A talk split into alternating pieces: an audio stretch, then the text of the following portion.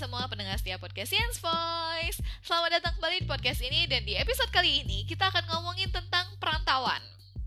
Sebagian orang tuh pasti pernah ya ngerasain hidup di perantauan. Walau mungkin cuma sebentar gitu Seminggu, dua minggu.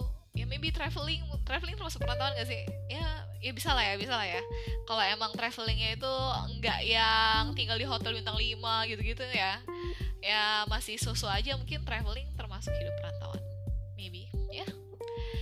banyak juga nih yang udah ngerasain hidup perantauan itu di kota bahkan negeri orang itu ketika mereka masih duduk di bangku sekolah. Da, ya di masa masa mereka masih berumur yang termasuk kecil lah ya termasuk lagi beranjak dewasa gitu ya. Nah yang dirasain oleh para perantau ini sebenarnya nggak cuma homesick doang kok. Serius percaya deh. Nah kali ini aku bakalan mencoba nih membahas hal-hal yang bakalan dirasain oleh para perantau yang hoki. Karena nggak semua perantau itu bakal ngerasain hal yang sama. Dan nggak semua hal yang di perantauan itu nggak enak. Di balik susahnya hidup perantauan gitu masih ada hikmah di balik semua itu. Percaya deh. Nah uh, hal yang cuma bisa dirasakan oleh perantau yang hoki itu yang pertama adalah punya banyak teman dari berbagai daerah bahkan negara uh, kalau kita ngerantau nih otomatis orang pasti bilang wah kamu pasti bakalan punya temen dari daerah lain. Ya kayak misalkan aku nih aku uh, dari Sumatera ketika kuliah aku merantau ke Jakarta dan well uh, teman-teman pertama yang aku temuin itu adalah teman-teman uh, yang tinggal di Jabodetabek orang-orang Jabodetabek ya Jakarta Bogor Tangerang Depok Bekasi uh, Sukabumi Bandung yang kayak gitu ya.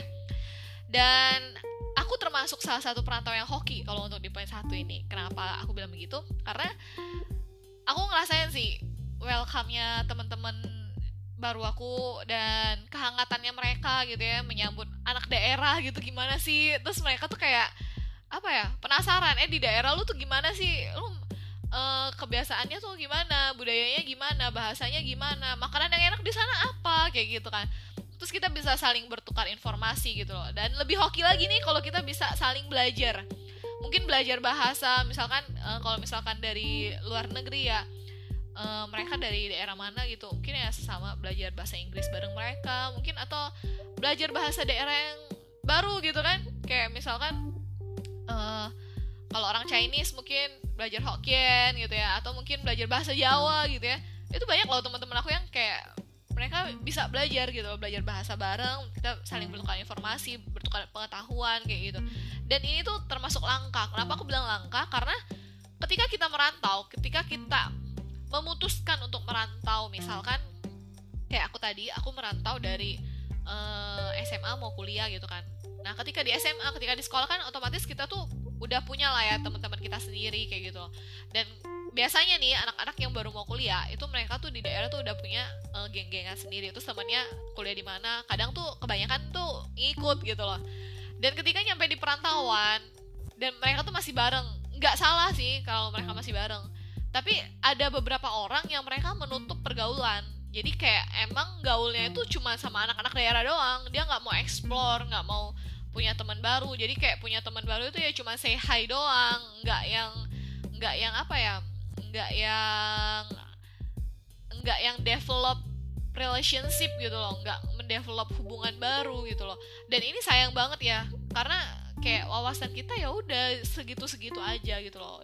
Ini sayang banget. That's why aku bilang ini adalah salah satu hal yang dirasakan oleh perantau yang hoki. Ketika kita punya banyak teman dari berbagai daerah berbagai negara dan kita bisa bertukar pengetahuan gitu kita bisa develop uh, membangun suatu hubungan yang baru itu hoki banget sih menurut aku Nah, yang kedua itu adalah kita bisa lebih dekat sama senior. Ini keberuntungan selanjutnya nih buat kalian para perantau yang hoki nih ya. Biasanya kita kalau ngerantau itu kita bakalan kenal lebih banyak senior dan juga bisa kayak kita lebih saling mengenal. Mungkin di daerah dulu kita udah kenal akhirnya udah tahu aja gitu sama senior ini. Oh ya oh si A si Koko ini Cici ini kakak ini gitu ya. Tapi ketika kita di perantauan kita ketemu biasanya tuh bakalan saling nyapa dan lebih kayak saling kenal gitu loh. Lebih mengenal lebih dalam lah gitu loh. Nah kalau misalkan kita lagi kuliah nih mungkin kayak secara pelajaran ya kita ada yang hal yang kita kurang tahu kurang paham gitu. Kita bisa nanya ke mereka bisa minta bantuan senior senior kita. Atau mungkin kalau misalkan kita mau ke mana gitu kita belum tahu jalan gitu kan. Kita nanya ke mereka gitu kan. Nah ini hal-hal yang bisa deket dengan senior itu nggak gampang. Dan nggak semua orang gampang buat dideketin gitu kan. That's why kalau misalkan kalian bisa punya uh, hubungan yang lebih dekat dengan senior kalian itu tuh wah ini banget sih menurut aku. Kayak apa ya uh, ngebantu banget ketika kita hidup di tanah orang gitu loh, di negeri orang di daerah orang gitu loh yang bukan lapak kita sendiri lah istilahnya kayak gitu. Asal kalian jangan cuma cari senior tuh kalau butuhnya aja ya.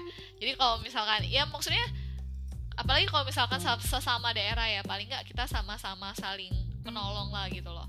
Nah kalau misalkan yang emang seniornya bukan senior satu daerah ya tetap kita dapat uh, kita bisa saling menolong bertukar informasi main bareng kayak gitu ya ini eh, nggak uh, semua orang sih nggak semua perantau bisa lebih dekat sama senior. That's why aku bilang kalau kita bisa lebih dekat dengan senior kita ketika di tanah perantauan wah itu berarti kamu hoki banget. Hoki banget beneran.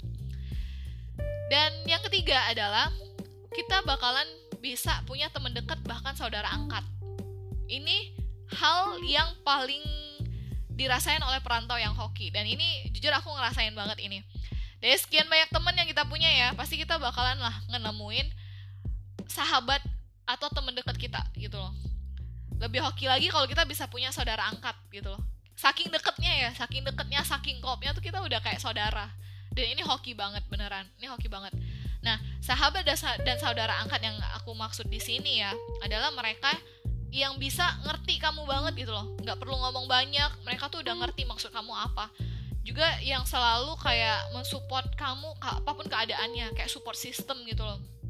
Ini kalau di perantauan jarang banget yang bisa dapat soulmate kayak gini. Ya mau yang sesama jenis ataupun uh, berbeda jenis ya. Ber, ber, ber apa lawan jenis gitu loh. Ini jarang banget. Dan ini aku ngerasain banget ketika aku uh, emang sih aku punya saudara cici koko aku udah di Jakarta tapi kan kita jarang ketemu ya pada kerja. Dan ketika itu aku kuliah jujur aku ketemu sama senior sama temen yang dari berbagai daerah dan uh, hokinya adalah aku ketemu sama orang sama temen sama teman-teman itu yang kayak kalau aku lagi sedih lagi apa gitu ya uh, kondisinya lagi kayak gimana nggak usah ngomong banyak. Mereka ngelihat oke okay, nih anak lagi nggak beres nih lu jangan deket-deket deh. Nanti kita baru korek nih. Ini kenapa nih bocah nih kayak gini nih? Ya kayak gitu. Dan ketika kita sedih tuh kayak uh, apa ya kalau kita kepepet nih misalkan nangis. Nangis pun kalau di depan mereka tuh mereka nggak yang nggak yang apa ya nggak yang ngegampangin lo ah lu gitu aja nangis. Nggak nggak. Tapi kita yang lebih yang oke okay, ketika dia sedih oke okay, gue akan nemenin gitu. Gue nggak bakalan banyak cerita nggak bakalan banyak nanya gue akan temenin lu gitu. Dan jujur itu aku ngerasain sih so that's why aku bilang aku adalah salah satu perantau yang hoki. So kalau kamu pernah dan kamu ada sahabat yang kayak gini please jaga hubungan kalian. Kapan pun itu sampai kapan pun itu. Karena itu susah banget sih kalian bisa ngedapetin temen-temen yang kayak gitu tuh susah susah banget beneran. Nah yang keempat adalah perantau yang hoki itu bakalan lebih cepet dewasa. Orang pasti mikir kalau lu ngerantau lu disuruh orang tua lu ngerantau lu pasti bakalan uh, orang tua lu itu pasti bakalan mengharapkan lu bakal jadi yang lebih dewasa. Tapi kenyataannya nggak kayak gitu. Banyak orang yang merantau malah kebablasan. Karena terlalu bebas nggak ada yang mengontrol gitu kan. Mereka terlalu bebas jadinya mereka bukannya jadi dewasa malah uh, apa ya malah memanfaatkan kebebasan itu dengan hal-hal yang tidak dewasa gitu loh contohnya aja mungkin ya jadi rusak jadi perokok lah mungkin ngobat atau apa itu kan hal-hal yang ditakutkan sama orang tua kita ketika kita ngerantau kan. Dan sebenarnya uh, orang tua kita expectnya kita lebih dewasa kalau udah ngerantau balik kita lebih dewasa. Tapi ya banyak juga kan orang-orang tua yang malah mendapatkan anaknya jadi lebih buruk gitu di tanah perantauan. Nah itu susah. Nah kalau misalkan kalian udah ngerasain di perantauan dan kalian ngerasa kalian kayaknya udah mulai cepet nih dewasa. Cara berpikirnya udah mulai dewasa itu berarti kalian uh, termasuk orang yang hoki. Ketika merantau berarti lingkungan kalian lingkungan perantauan kalian itu bisa membawa kamu lebih cepat dewasa menghadapi realita kehidupan. Ini eh, nggak uh, banyak orang yang bisa menyadari hal-hal ini ya. Jadi ketika kamu menyadari kamu kapan kamu mulai dewasanya cara berpikir kamu mulai berubah ketika itu do, kamu ngerasain itu di perantauan well berarti kamu ngerantaunya nggak sia-sia gitu loh. Kamu bisa menyadari berbagai aspek kehidupan gitu kan. Nah kamu uh, apa ya kayak kalau misalkan orang lain tahu susahnya hidup kamu tuh udah ngerasain duluan gitu loh. Dan kamu bisa survive dari masalah itu dari kehidupan yang emang nggak bakalan putus susahnya gitu kan. Dan ini uh, langkah sih termasuk langkah menurut aku. Karena nggak semua orang yang merantau itu bakalan lebih cepat dewasa. Jarang banget yang ada orang merantau dewasanya lebih cepet tuh jarang. Bahkan malah keterbalikannya gitu malah, malah banyak ya kan. Nah yang selanjutnya adalah uh, perantau-perantau yang hoki. Itu mereka bakal tahu cara mengelola keuangan. Nah kalau orang lain tinggal men menengadahkan tangan gitu ya minta minta apa gitu ya sama orang tua gitu ya. Tapi kamu nggak perlu ngiri juga gitu loh. Karena uh, kamu kalau misalkan tinggal telepon buat minta uang ke orang tua ya mungkin orang tua juga bakalan langsung kirimin gitu kan. Nah tapi kalau perantau yang hoki itu mereka bakalan mikirin gimana caranya bertahan hidup dengan budget itu tanpa menambah beban orang tua. Nah ini perantau-perantau yang hoki ya, perantau-perantau yang udah terlatih nih. Mereka pasti uh, bakalan punya keahlian buat mengelola keuangan. Gimana caranya lu ngelola budget segala macam.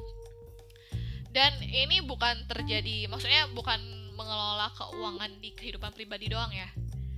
Di mungkin di kehidupan organisasi atau apa, kita tuh udah kayak terbiasa mengelola keuangan gitu loh. Jadi nggak cuman yang apa ya, cuman tahu ngabisin doang, tapi kita juga tahu dengan budget yang terbatas ini kita gimana sih kita bisa ngaturnya biar kita nggak ada pengeluaran lain lagi gitu loh. Pengeluarannya itu nggak ngebebanin kita juga kayak gitu. Nah ini perantau-perantau yang hoki yang benar-benar bisa tahu cara ngelola uang gitu. Beneran. Nah yang terakhir adalah perantau yang hoki itu punya daya juang yang lebih gigi kalau istilah sekarang mungkin mentalnya lebih tough gitu loh selain pandai mengatur keuangan ya perantau yang hoki itu juga tahu gimana caranya nyari uang sampingan biar nggak ngebebanin orang tua. Nah, hasil kamu mulai nyari nih job sampingan, apa pun itu yang penting halal dan nggak mengganggu sekolah ataupun perkuliahan gitu kan. Pokoknya nggak nggak mempengaruhi aktivitas pokok kamu gitu loh. Nah, kalau kamu seorang perantau yang pernah ngerasain ini, berarti kamu benar-benar hoki. Karena kamu dengan usia yang mungkin termasuk muda, kamu udah bisa berjuang menghadapi realita hidupnya itu lebih awal. Pastinya kamu udah terbiasa menghadapinya. Gak kagok lagi deh, ntar ketika memasukin dunia kerja yang orang-orang pada baru melek dapat gaji segini, tapi kamu mungkin dulu gaji kamu juga nggak segede itu, tapi at least ketika kamu mendapatkan gaji yang gede, udah tahu cara menghargai, cara memberi nilai dari gaji kamu itu gimana gitu gimana kamu bisa menghabiskannya? Gimana kamu uh, jadi ini itu budget buat apa? Gimana kamu uh, menyimpan sisanya? Kayak gitu loh. Jadi ya uh, apa ya? Perantau yang punya daya juang yang lebih gigih gini ini jarang ya. Biasanya perantau apalagi yang yang bokap nyokapnya bisa minta duit langsung kirim itu tuh nggak bakalan ngerasain deh yang namanya punya daya juang yang lebih gini nggak bakalan percaya deh. Dan sedikit sharing ketika kuliah aku termasuk perantau yang hoki karena kenapa?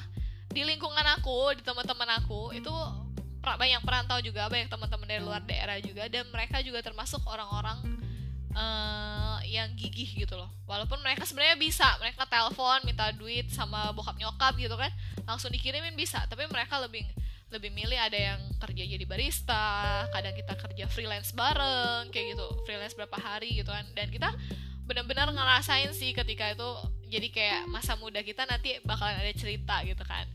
Dan itu benar-benar pengalaman berharga yang mungkin enggak semua perantau bakalan ngerasain walaupun itu susah ya walaupun itu masa-masa susah tapi at least ada pengalaman ada nilai yang bisa kita ambil dari kehidupan kita saat itu. Dan ketika kita udah mulai menjadi orang sukses kita nggak ngelupain itu. Kita ingat akan susahnya.